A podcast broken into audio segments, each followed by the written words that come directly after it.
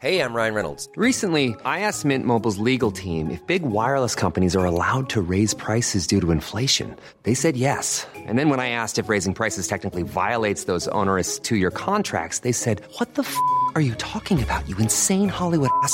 F- So to recap, we're cutting the price of Mint Unlimited from $30 a month to just $15 a month. Give it a try at mintmobile.com slash switch. $45 upfront for three months plus taxes and fees. Promo rate for new customers for limited time. Unlimited more than 40 gigabytes per month. Slows. Full terms at mintmobile.com. Ever catch yourself eating the same flavorless dinner three days in a row? Dreaming of something better? Well, HelloFresh is your guilt-free dream come true, baby. It's me, Kiki Palmer. Let's wake up those taste buds with hot, juicy pecan-crusted chicken or garlic butter shrimp scampi. Mm. Hello Fresh. Stop dreaming of all the delicious possibilities and dig in at HelloFresh.com. Let's get this dinner party started.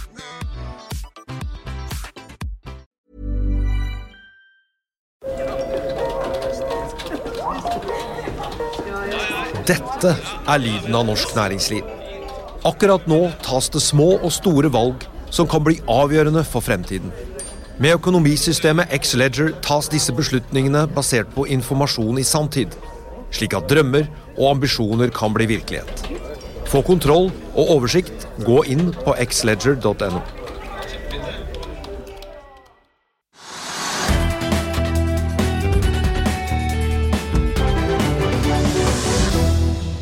God torsdag alle sammen, og velkommen til Økonominyhetene. Det har blitt 15. desember, og det er utvilsomt sentralbankenes dag. I dagens sending blir det mer om dette rentebonanza, som inkluderer Norges Bank, som i dag altså annonserte sitt andre hopp på 0,25 prosentpoeng etter sommerens økninger på 0,5. Nå er styringsrenten oppe i 2,75. Det er altså det høyeste rentenivået vi har hatt her i landet siden 2009. Mer om dette og de andre rentenyhetene straks, men vi har mer enn bare makro på dagens meny. Hydro har kapitalmarkedsdag i London i dag, og finansdirektør Pål Kildemo er straks med oss derfra. Vi får også teknisk analyse av Hydro-aksjen mot slutten av sendingen. Og Tesla, hvor Elon Musk har solgt unna nye aksjer for over 3 milliarder dollar. Og så skal vi få besøk av Gram Car Carrier, som er overgang får vi si, nummer 13 i Oslo Børsligaen i år. Bilfrakt er jo og har vært i vinden i år, og vi får da med oss konsernsjef Georg Wist litt senere. La oss titte kjapt på markedet akkurat nå. Hovedindeksen på Oslo Børs endte jo ned nesten 1,2 i går, og startet ned nesten prosenten i dag også, men vi har hentet oss inn og ligger nå uh, var i hvert fall svakt i pluss. Nå ser vi har gått akkurat med minus 2 igjen, så her svinger det mot uh, tampen av handelsdagen. På Wall Street i går så vi også at det snudde da ned etter rentebeslutningen og pressekonferansen til Federal Reserve med en da prosent nedgang på Nasdaq og rundt halvprosenten ned på SMP og Dow Jones. Og vi så også at De asiatiske børsene endte i rødt i dag. Det har det også fortsatt i Europa, og futuresene på Street peker mot et fall der også. Oljeprisen ikke så verst for oss nordmenn. Den har falt noe ned fra toppen vi så tidligere i dag. Ligger nå ned 0,1% men da på 82,70 i spotmarkedet for et fat nordsjøolje. i den amerikanske lettoljen på 77,30. Og så har Aksjelutions fått litt fart nå på ettermiddagen steg rundt 2% på nyheten om at de har fått en intensjonsavtale med Okea om å stå for elektrifiseringen av Draugen-feltet. Det kan gi en betydelig kontrakt, som Aksjelutions kaller det. Det betyr da en kontraktsverdi på mellom 2,5 og 4 milliarder, og kontrakten er ventet signert da i første halvår neste år. og Denne nyheten kommer jo da dagen før Aker Solutions regner med å få inn ordrer på, hold dere fast, 45 milliarder kroner fra Aker BP i forbindelse med masse da utbyggingsplaner som skal overleveres til myndighetene i morgen. Og når vi først snakker olje i dag, den 15. desember klokken 11.15 for å være helt nøyaktig, så ble da fase to av gigantfeltet Johan Sverdrup satt i drift i Nordsjøen drøye da tre år etter at fase 1 startet i 2019. Og dette er jo da en utbygging som inkluderer den femte plattformen på elefantfunnet som i sin tid ble gjort av Lundin, og som er det største på norsk sokkel da siden 80-tallet. På det meste så regner Equinor med at hvert tredje fat fra norsk sokkel vil komme fra nettopp Johan Sverdrup. Og man regner nå med en platåproduksjon på topp da på 720 000 fat dagen, med et mål om å klinke gikk Line ut 750 totalt. Det er da for øvrig 100 000 mer enn man opprinnelig så for seg i 2015. Og det aller meste av oljen går jo i dag til Europa fra dette feltet. Begynte i starten å gå til Kina, men den vinden har snudd. Og jeg kunne jo regne med at Johan Sverdrup alene vil dekke 67% av Europas daglige oljebehov på topp. Og statskassen kan se frem til nesten 1000 milliarder kroner i skatter og avgifter. Så er det stadig nye vendinger i tanksektoren og mellom fusjonen mellom Frontline og Euronav. I et brev gikk det Savarys-familien, som er storaksjonær i Euronav, ut mot fusjonen og krevde at Euronav eh, da droppet hele avtalen med Frontline, og svarer styret i Euronav i dag at de fortsatt støtter sammenslåingen med Frontline. Og Savarys-familien har jo da økt sin eierposisjon til litt over 25% og har da teoretisk nok stemmer til å hindre en fusjon. Og så annonserte Petrobras onsdag at de har avvist Sharewaters klage knyttet til et anbud som PGS vant i Brasil. Det kommer frem i rapporter fra Pareto og Fearnley i dag. Sharewater har jo signalisert at de sikter seg inn mot en børsnotering neste år. PGS er jo på børs, og de er i dag opp 1,1% etter å ha falt på spekulasjoner om en ny emisjon da i går. La oss i Finansavisen hjelpe deg med å holde deg oppdatert på alt som skjer i finans og næringsliv. Hver morgen er jeg, Marius Lorentzen, og aksjekommentator Karl Johan Målnes på plass i studio for å ta tempen på dagens marked i Børsmorgen. På ettermiddagen oppsummerer vi alt du trenger å vite i økonominyhetene, og så får vi selvfølgelig besøk av masse interessante gjester. Du finner oss på fa.no-tv, eller ved å søke opp Børsmorgen og Økonominyhetene der du hører på podkast. I'll see you in court. Vi sier det ofte litt på spøk, men for deg som driver business, er det aldri moro å innse at du ikke har laget en 100% gyldig kontrakt. Du bør ikke risikere hele firmaet ditt fordi du synes dette med kontrakter er litt stress. En avtale er ikke en avtale. Du kan miste kunder, miste venner, ja, til og med miste inntekter om du ikke lager en skikkelig kontrakt, på alt mulig, egentlig. Men vi vet det er et styr kopimaskiner, tregprinter og haugevis av papir. Dessuten stoler vi jo på folk her i landet. Det er ofte litt kleint å skulle be om en signatur for alt mulig, ja, for mye av styret handler også om jakten på underskriften. Det finnes en enkel måte å løse dette på, Dukkobit, en trygg, effektiv og get this, gratis måte å sikre seg en god natts søvn pluss en juridisk bindende avtale. Dukkobit-appen har de strengeste sikkerhetskrav i bunn, samt en EU-godkjent og sertifisert teknologi. Framover vil det bli behagelig å spørre du, skal vi skrive under på det, eller? Kom i gang på dukkobit.no.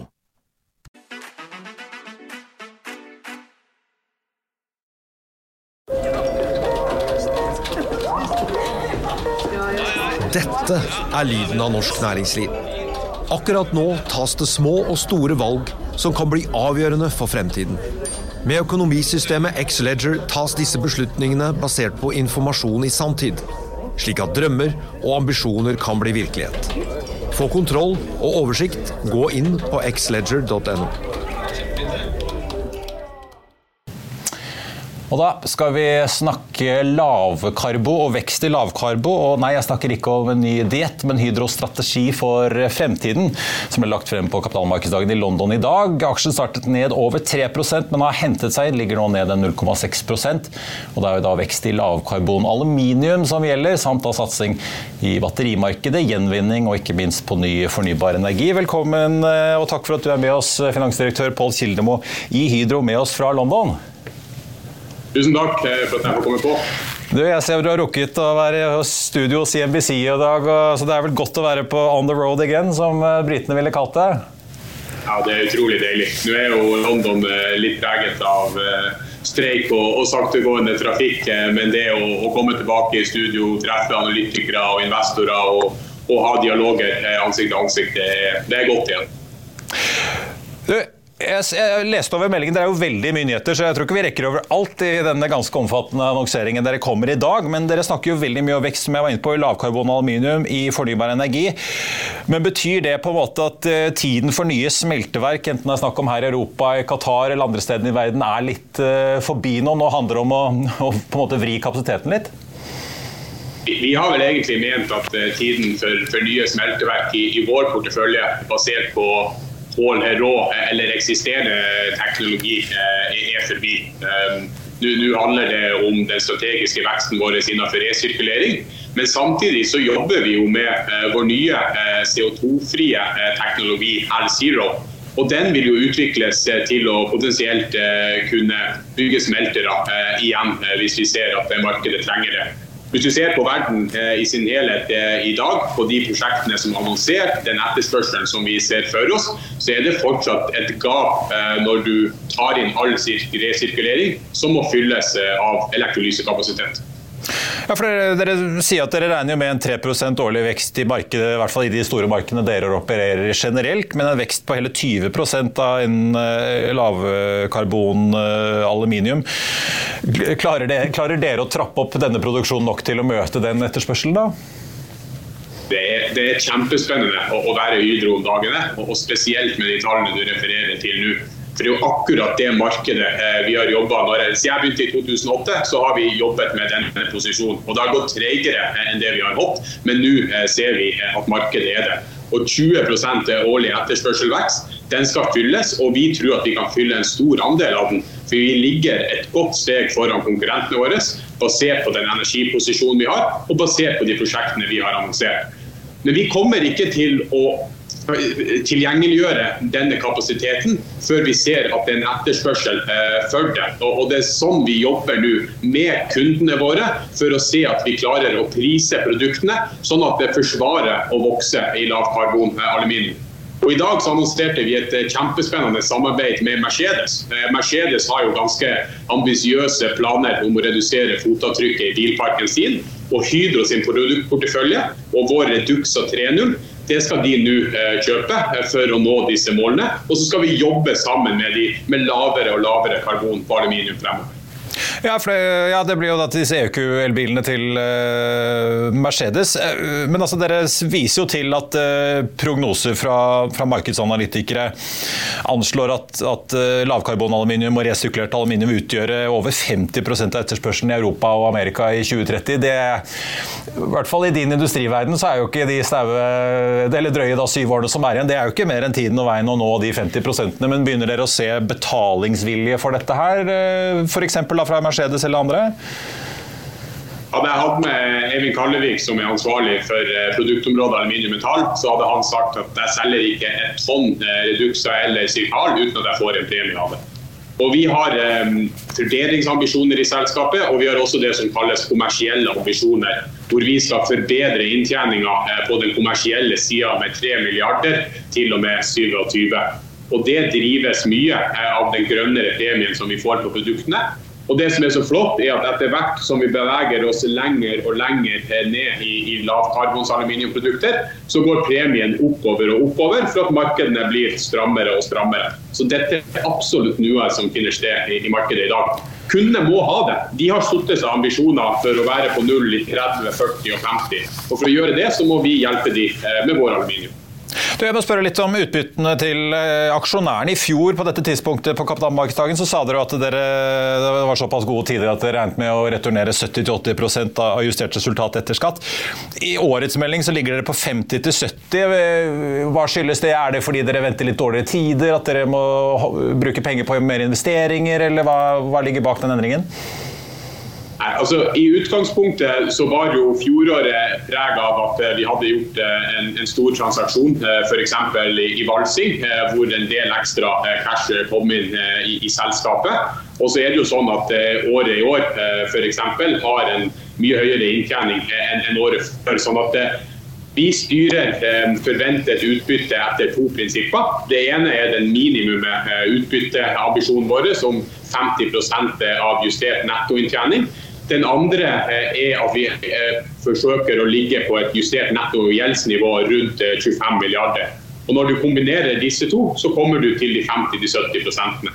Grunnen til at vi har satt en range, er fordi at vi er i to M&A-prosesser, hvor vi potensielt skal kjøpe opp et polsk resirkuleringsselskap, et av de største i Europa, og også et exclusion-selskap i Tyskland.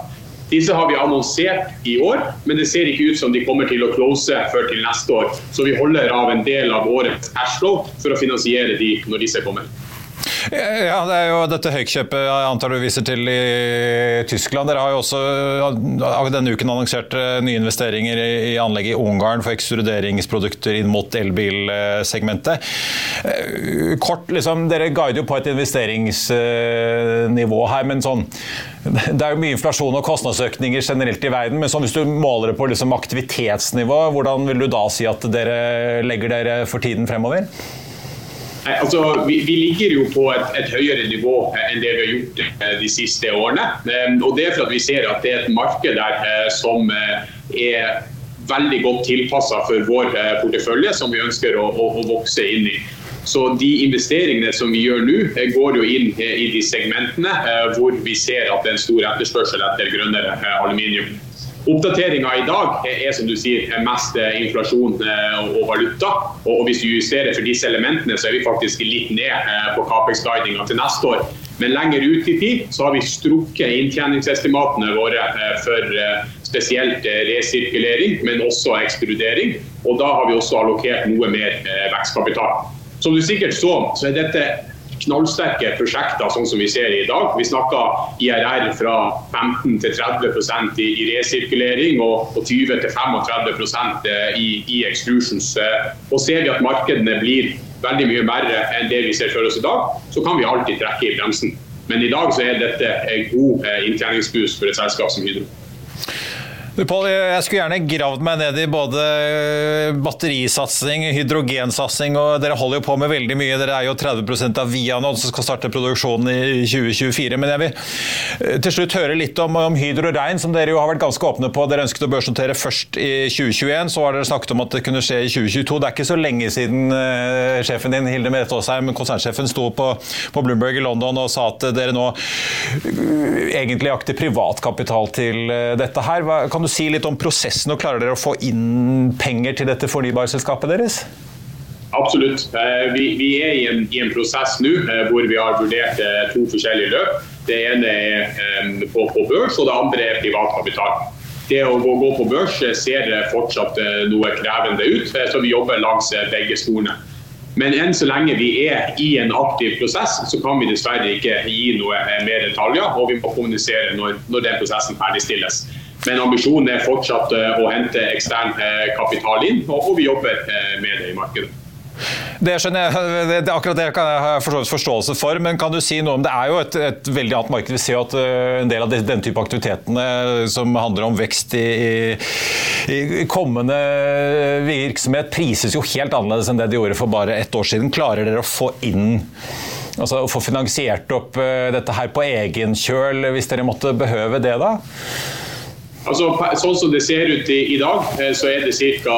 2,5 eh, milliard eh, som det vil kreves i, i, 2023 dersom vi ikke skulle klare å, å, hente kapital. Eller dersom vi velger å ikke hente kapital fordi vi, at, vi mener at nåværende prising ikke reflekterer den underliggende porteføljen. For det er riktig som du sier, det er noen prosjekter som er i konstruksjon, og det er noen prosjekter som skal utvikles fremover. Og, og, vi ønsker å hente inn kapital som reflekterer til den fulle eh, porteføljen. Så um, vi, vi, jobber uh, aktivt. Vi, vi, vi, har det på egen bok til vi ser at vi klarer å, å finne den, den, rette partneren eller ta det på børs. Til slutt, Dere inngikk en stor avtale med Telenor for et av disse fornybarprosjektene deres i Hydrorein. Og på Telenors kvartalsprestasjon her for ikke så lenge siden så var de strålende fornøyd med den avtalen, nettopp fordi det gir dem en mye lavere kraftpris enn det de ser i markedet den kommende tiden, som jo svir veldig for dem som en stor eh, kraftforbruker her i Norden. Men betyr det at dere, når dere tilbyr disse fastprisavtalene, blir sittende igjen litt som en tapende part i en verden hvor elektrisitetsprisen har økt veldig mye? Altså, som en utvikler av fornybar eh, energi, eh, og, når du bygger et sånt selskap, så kan du gjøre én eh, av to ting. Du kan være eksponert mot kraft. Da har du en finansieringskost og en risikoprofil som bærer preg av det. Eller du kan ha en modell hvor du låser inn PPA-er, som gir en sikkerhet i inntjeninga i en lang periode fremover. Og For uh, Hydro Rein så har vi en stor andel uh, som, som, ligger uh, på PPR, og det er den risikoprofilen vi kommer til å ha fremover. I perioder med høye priser så vil jo den alternative inntjeninga vært høy, og i perioder med lavere priser så ville det vært motsatt. Men det er forretningsmodellen til Rein på, på, på slutten av dagen. I Hydro Energi så har vi en annen modell hvor vi ligger åpent eksponert eh, mot spotposisjon, eh, som eh, vi ser prises på et veldig høyt nivå i dag. Better safe than sorry er det noe som eh, heter, så det ser i hvert fall ut til å bli en stabil inntekt i Hydro Rein, om ikke annet. Pål Kildemo, finansdirektør i Hydro, takk for at du var med oss fra London, og lykke til med resten av eh, turen. La oss eh, kaste oss over rentebonanza, dere, før vi da skal få inn Gram Car Carrier her. I dag startet jo Sveits sin sentralbank ballet klokken 09.30, da de økte som ventet renten der fra 0,5 til 1% blank. Så kom jo da Norges Bank en halvtime etterpå klokken 10 og fulgte opp med sin økning på 0,25. Bank of England fulgte etter klokken 13. I en 6 mot 3-avstemming ble det da en ny økning på 0,5, som da løfter britene til et rentenivå på 3,5% Det er da det høyeste får vi si, rentenivået Storbritannia har hatt på da 14 år. Og På det forrige møtet i november klinket jo Bank of England til med 0,75, og flertallet i rentekomiteen i London regner jo da med at det trengs flere renteøkninger for å komme ned til inflasjonsmålet på 2% og det er kanskje ikke så rart. Vi så jo da inflasjonstallene i eh, november som kom denne uken, vise likevel Det var et fall, men likevel. Man gikk fra 11,1 til 10,7 da med en kjerneinflasjon som falt til 6,3. Begge litt under eh, forventning. Og nå, kvart over to, like før vi gikk på luften, så kom altså Den europeiske sentralbanken med sin beslutning. De øker også som ventet rentenivået i eurosonen da med 0,5 prosentpoeng. La oss titte litt nærmere på hva som kom eh, fra Norges Bank i dag, der den pengepolitiske komiteen altså enstemmig besluttet å øke styringsrenten på linje med forventningene. I uttalelsen fra Norges Bank så kommer det frem at siden forrige rentemøte så har inflasjonen i Norge vært høyere enn de ventet, og er ventet å holde seg høyere lengre enn ventet. Arbeidsmarkedet i Norge ser også strammere ut, og omslaget i, i norsk økonomi ser ut til å bli noe mer markert hinter de om en ikke så myk landing likevel, kanskje. Vi tok en prat med redaksjonssjef Are Haram, som var nede hos Norges Bank tidligere i dag, og her er hva han hadde å si. Are Haram, Norges Bank økte styringsrenten som ventet med 0,25 prosentpoeng til 2,75. Nå har vi jo sett den norske inflasjonen falle i november da, fra 7,5 til 6,5% på årsbasis. Begynner vi å se konturene av en eh, slags rentetopp? Ja, Norges Bank sier jo at renten skal opp minst én gang til, sannsynligvis i mars. Og de hinter til og med om kanskje to hevinger til en gang utpå våren-juni neste år. Men verbalt så snakker sentralbanksjef Ida Wolden Bakke hele tiden om rundt 3 så jeg tror kanskje at en renteheving nummer to neste år er et slags ris bak speil eller en forsikring eller noe sånt noe. Hva betyr da denne beslutningen og det vi da vet om veien videre for folks eh, økonomi nå? Ja, De må jo vente, regne med at det blir én heving til. altså Renten kommer på 3% og Det betyr en boliglånsrente på 4,3 sier Norges Bank så er jo målet at rentehevingene skal dempe inflasjonen. Det kommer jo ikke med en gang. Norges Bank tror at kjerneinflasjonen ikke vil begynne å falle før etter neste sommer. Så vi kommer til å ha dyr, dyr høye utgifter og i tillegg en ganske høy rente en stund til. De skriver også i dag at eh, de ser et noe mer markert omslag i norsk økonomi. Eh, er det sånn de hinter om at vi får en eh, god gammeldags resesjon i Norge nå i 2023? Norges Bank vil ikke bruke det ordet. Det blir BNP-fall, eller fall i fastlands-BNP. Men alt det andre som må til for å kalle det en resesjon, er ikke på plass. Altså Ledigheten vil være fortsatt veldig lav. Vi vil ha ganske god fart. Vi kommer fra en veldig markant høykonjunktur, og da er det mer en avmatning enn en resesjon i Norges Banks ord. Ja, så det er ikke noe bråbrems, men kan vi komme til å se et rentekutt fra Norges Bank da, hvis eh, ting eh, plutselig bremser fortere enn de tror? Ja, de har jo allerede lagt inn ett kutt til eh, med, fra 2024, sommeren 2024 i forhold til den forrige rentebanen. Så da skal det ikke så veldig mye overraskelse til for at det rentekuttet som kommer tilbake igjen til 2,75, kanskje rykker litt nærmere tid, kanskje til neste juletid neste år eller noe sånt.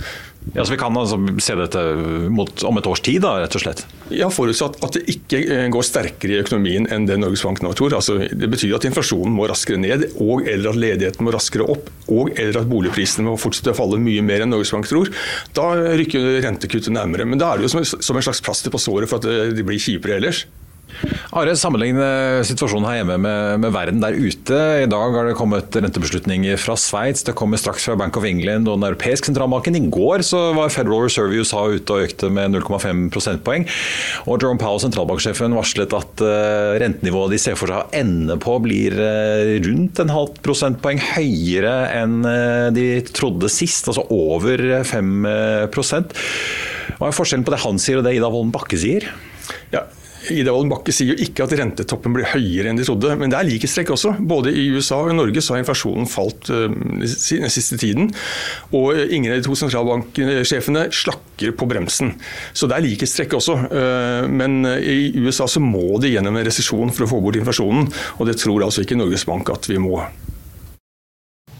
Da skal vi videre og snakke om noe som skjedde på Oslo Børs i dag. Bare se her. Og min eh, neste gjest leder selskapet som altså ble det 13. i rekken som har flyttet rundt på Oslo Børs i år.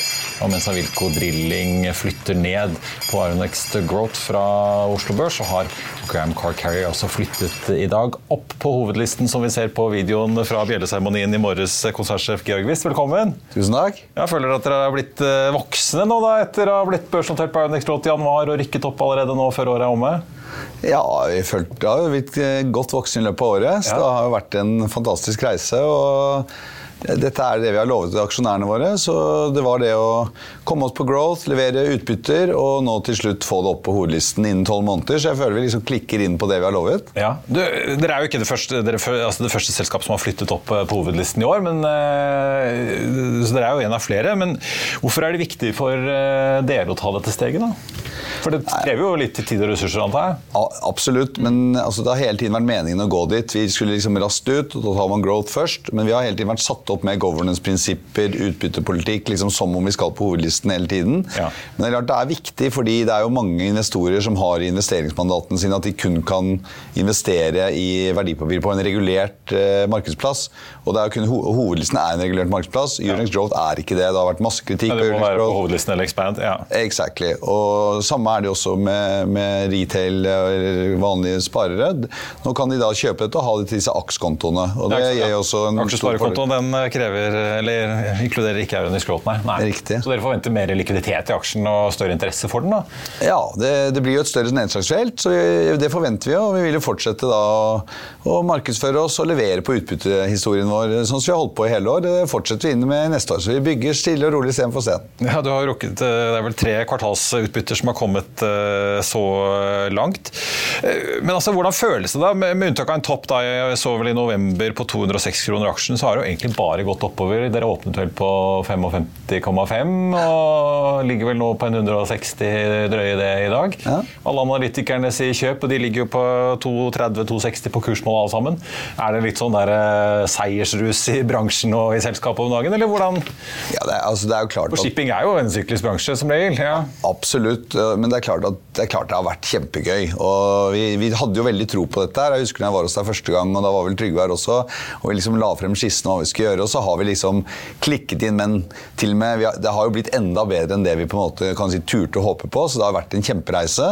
Og vi har brukt denne fine oppgangen til å, til å booke lange, gode kontrakter, og det er det som gjenspeiler seg nå i kursen. Så vi har fokusert på å gjøre femårskontrakter, som bygger da veldig lang, fin, forutsigbar utbytte fra selskapet de neste årene. Ja, for det, Dere er jo tredje største i verden sammen med hva er det da, Blendus Wilhelmsen og Høg så Er det dere tre som er de største eierne? Nei, altså, vi, er jo en tonnasjeleverandør, så ja. vi er nummer tre av tonnasjeleverandørene. Haug og Wilhelmsen og japanere og koreanske store, store selskaper er jo de som har kontrakten med bilprodusentene.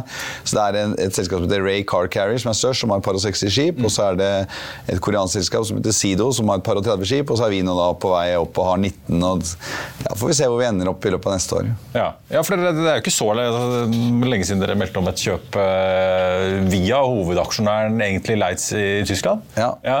En sånn eh, kombinert stokk og cash-deal. Ja, det ja. syns vi er spennende transaksjoner. Så vi ser jo på veldig mange Vil dere øke flåten, eller er det litt mer sånn hvis dere kommer over noe som er attraktivt priset for dere, så slår dere til? Ja, det er det siste. Altså, det, vi er ekstremt eh, fokuserte og disiplinerte. Hvis, hvis, det kan gjøres transaksjoner som øker utbytte, utbytte, per aksje, så vil vi gjøre det. Og hvis, vi, hvis ikke transaksjoner kan gjøre det, så lar vi de være. Ja. Så vi har egentlig ganske sånn smalt uh, spillerom. og det... Du må treffe kriteriet om 50% Ja, det er liksom en firkant. ikke ja. sant? Du må være innenfor firkanten. Hvis du er der, så kan vi gjøre det. og er du utenfor, og Det gjør jo forhandlingen også litt enklere. egentlig. Du sier mm. nei, det er denne firkanten her vi snakker om. Er du utenfor, beklager, kan ikke gjøre det. det er, da må prisen ned. Da må vi inn i firkanten igjen. Ja. Men for hvordan ser markedet ut? For Det er jo ikke sånn at det kommer veldig mye ny tonnasje inn i bransjen generelt de neste par årene, men er det mange båter som er ute til salgs i sekundærmarkedet? da? Nei, det er, det, det er, ikke mange. Det er, det er, noen få som ønsker å gjøre noen tilpasninger, så det er jo, det er jo, jo ikke mange i det hele tatt. Og som du sier, I år kom det vel fire skip levert fra verft, til neste år kommer det en ti-tolv stykker. Mm. Så det er ekstremt lite fråtevekst og veldig forutsigbart de neste par årene, som vi har snakket om her på denne kanalen før. Fortell litt om veien videre nå. Da, for det, som du sa, Dere har jo jobbet for å få inn mange lange kontrakter. Vi har jo sett, i hvert fall de som leser Newsweb, har jo sett at det stadig tikker inn eh, nyheter fra dere.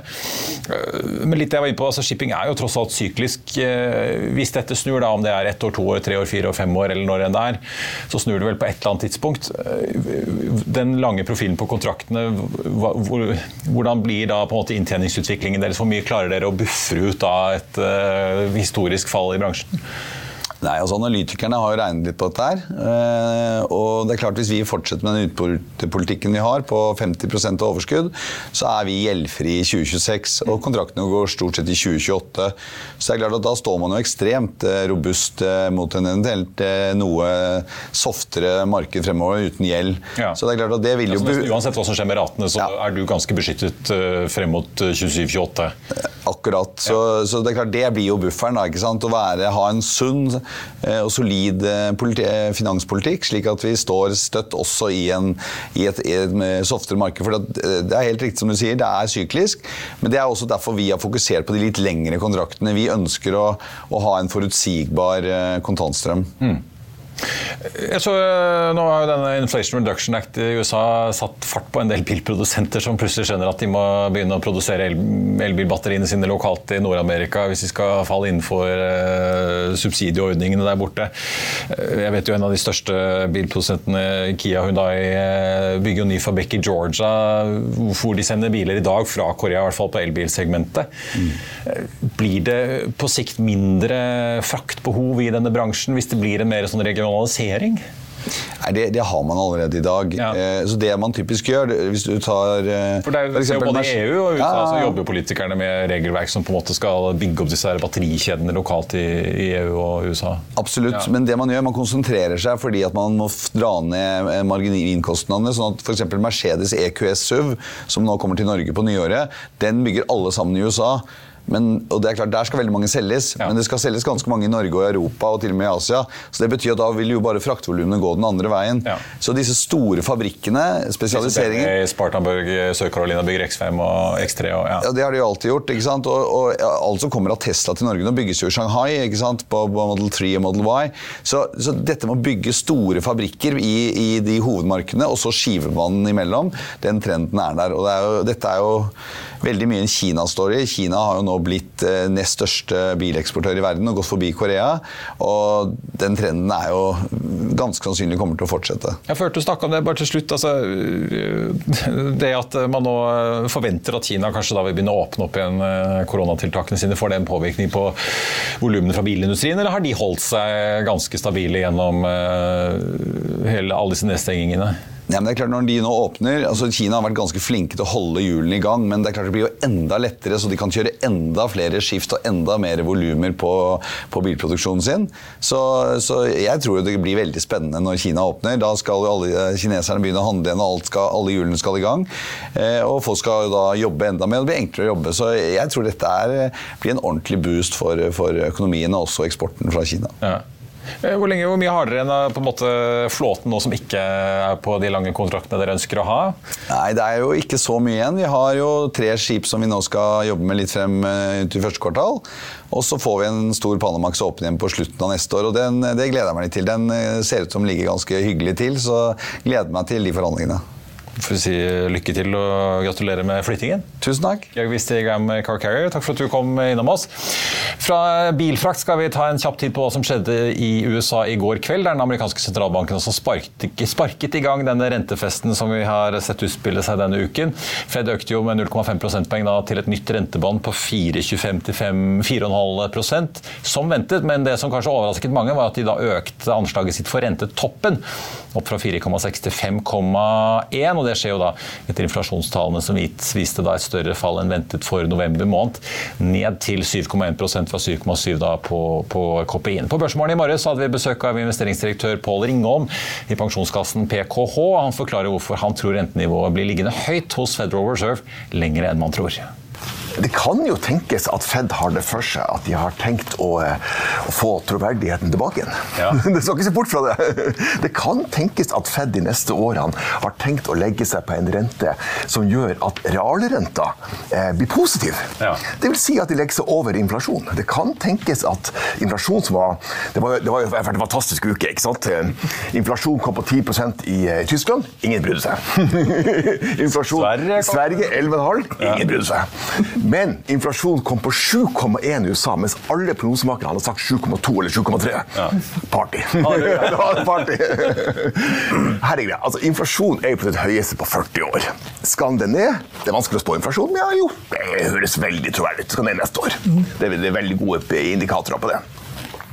Men betyr det da at Fed da gir opp sin rentepolitikk, da? Nei, det betyr det ikke. De, jeg tippa de kommer til, til, å legge Så la oss si inflasjonen kommer ned på 3,5-4, et eller annet sånt. Ikke to. Det tror jeg ikke.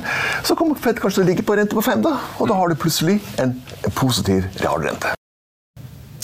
Ringholm fortalte også om at han nå er usikker på om det vi har sett de siste ukene er et eh, bear market rally, eller om vi faktisk har nådd bunnen i markedet etter fallet i år. Her forklarer han et scenario der aksjemarkedet kan klare seg. Inngangen til fjoråret var prisingsmessig mye mer utfordrende i dag. Så har vi, har vi gått gjennom året, det har falt og det har falt. Og det har falt. Og etter det septemberfallet, som var ganske kraftfullt, da, så, så, så, har jeg vært mer usikker om markedet prøver å finne en bunn. Og om det reelt sett da, det finner bunn. Mm. Du er, klart, du blir litt usikker når, når europeiske børser går opp en 20% etter det. Eh, så får vi får se. Men eh, neste år eh, Hvem vet? En kraftfull resesjon, som du beskriver. Nei, da, da, det, da, da, skal vi ned igjen. Selv om markedet ofte ikke priser en samme risiko to ganger. De har allerede priset en resesjon én gang, da. Men du kan tenke ett scenario. Et scenario der det likevel går ok. Og det er et scenario der resesjonen blir sånn passe mild earnings går ned med minus 10, et eller annet sånt. Samtidig som renta, langrenta går kraftig ned, for det blir en trygg havn da. Da kan det være at aksjemarkedet klarer seg. Ja. Men det er jo likviditeten som styrer. ikke sant? Og, det er mye likviditet og mye alternativ tankegang. Ja. da. Men, men uh, det har vært veldig mye investeringer i sånn Tina. da. There is no alternative. Ja. Eiendomsprosjekter her i Oslo som ja. man trodde var helt bunnsolide. og så Plutselig får du beskjed om at du blir helt utvannet, så må du opp med en sjekk med tre millioner kroner. og det, det, er jo penger fortsatt eh, i Oslo vest, vil jeg anta, for alle de som er med på dette. Det betyr noe at du får sånne meldinger. Får du én, så får du kanskje flere. Det blir litt sånn som disse uinnkalte KS-andelene. Altså det var, mm. var vel Håkon Sæther som sa at når du får beskjed om å få levere inn den sjekken, så ser han bare upside. Det er jo ikke sant, da, men ja. Nei da, altså, jeg kan jo si at vi var, det, var vel de første pensjonskassen som var i andre kvartal, selvfølgelig det. Renta har gått opp. Tina hun er steindød. Ja. Mm. Eh, eiendomsmarkedet skal ned. Så ja. du tok en kraftfull nedskriving i, i andre kvartal på, på næringseiendom. Det er klart næringseiendom også skal falle mer. Ja. Det sier seg sjøl. Velkommen tilbake. Et par nyheter som er verdt å få med seg på tampen. Goldman Sachs var jo ute i går og med en litt sånn bearish analyse på Telenor, som jo sendte den aksjen ned ganske mye. og I dag så ser vi at uh, Telenor fortsetter ned en halv prosent til. Den aksjen var jo ned uh, skal vi se her, 2,15 for å være helt nøyaktig i går, og ligger nå da på 90 kroner og 42 øre. Uh, men det, Goldman Sachs de har regnet litt på Entra også. de. Entra faller altså 5,9 i dag til 105,40. Nå er Goldman Sachs og hever kursmålet litt fra 77 til 81 kroner, men opprettholder da salgsanbefalingen som vi har snakket om i disse sendingene på Børsmorgen tidligere. Så er det jo da mye gjeld i Entra, og eiendomsanalytiker Simen Mortensen i DNB Markets venter jo da at Entra blir nødt til å måtte selge unna litt eiendom for å få mer eh, styrket opp balansen sin, får vi si. Aksjen til går på 112 kroner, så der har vi mistet en, en 7 kroner omtrent nå siden den gang. BNP Paribas har regnet litt på Equinor, som altså akkurat har fyrt opp eh, andre fase av Johan Sverdrup-feltet.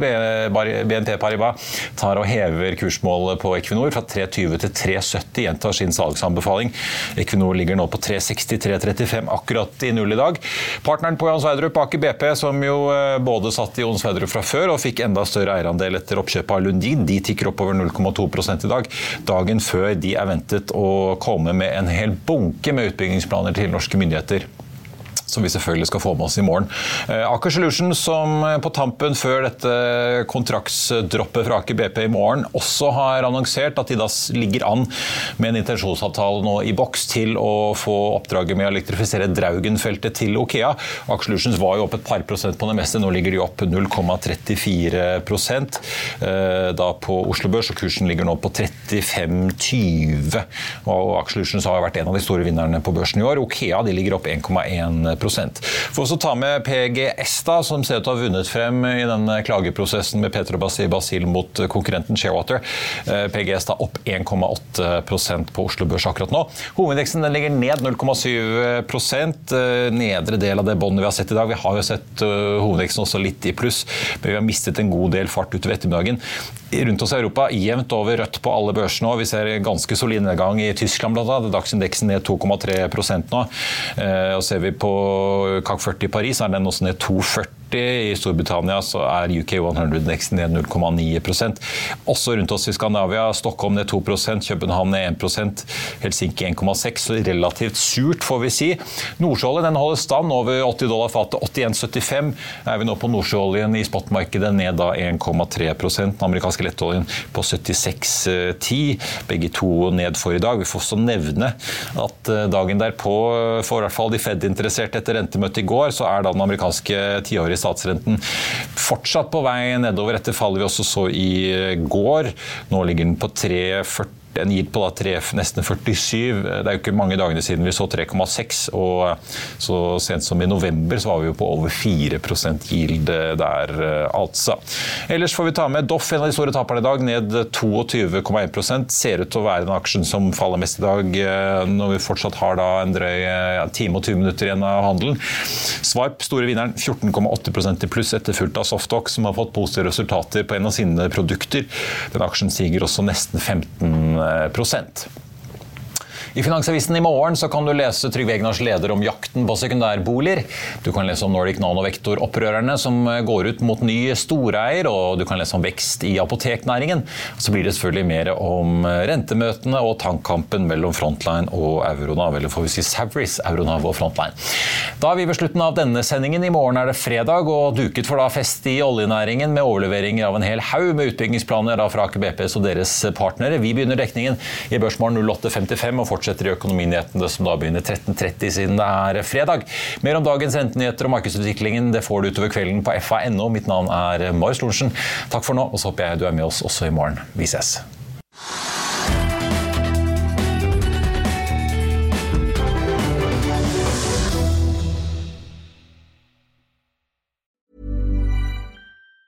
Even on a budget, quality is non-negotiable. That's why Quince is the place to score high-end essentials at 50 to 80% less than similar brands. Get your hands on buttery soft cashmere sweaters from just 60 bucks, Italian leather jackets, and so much more.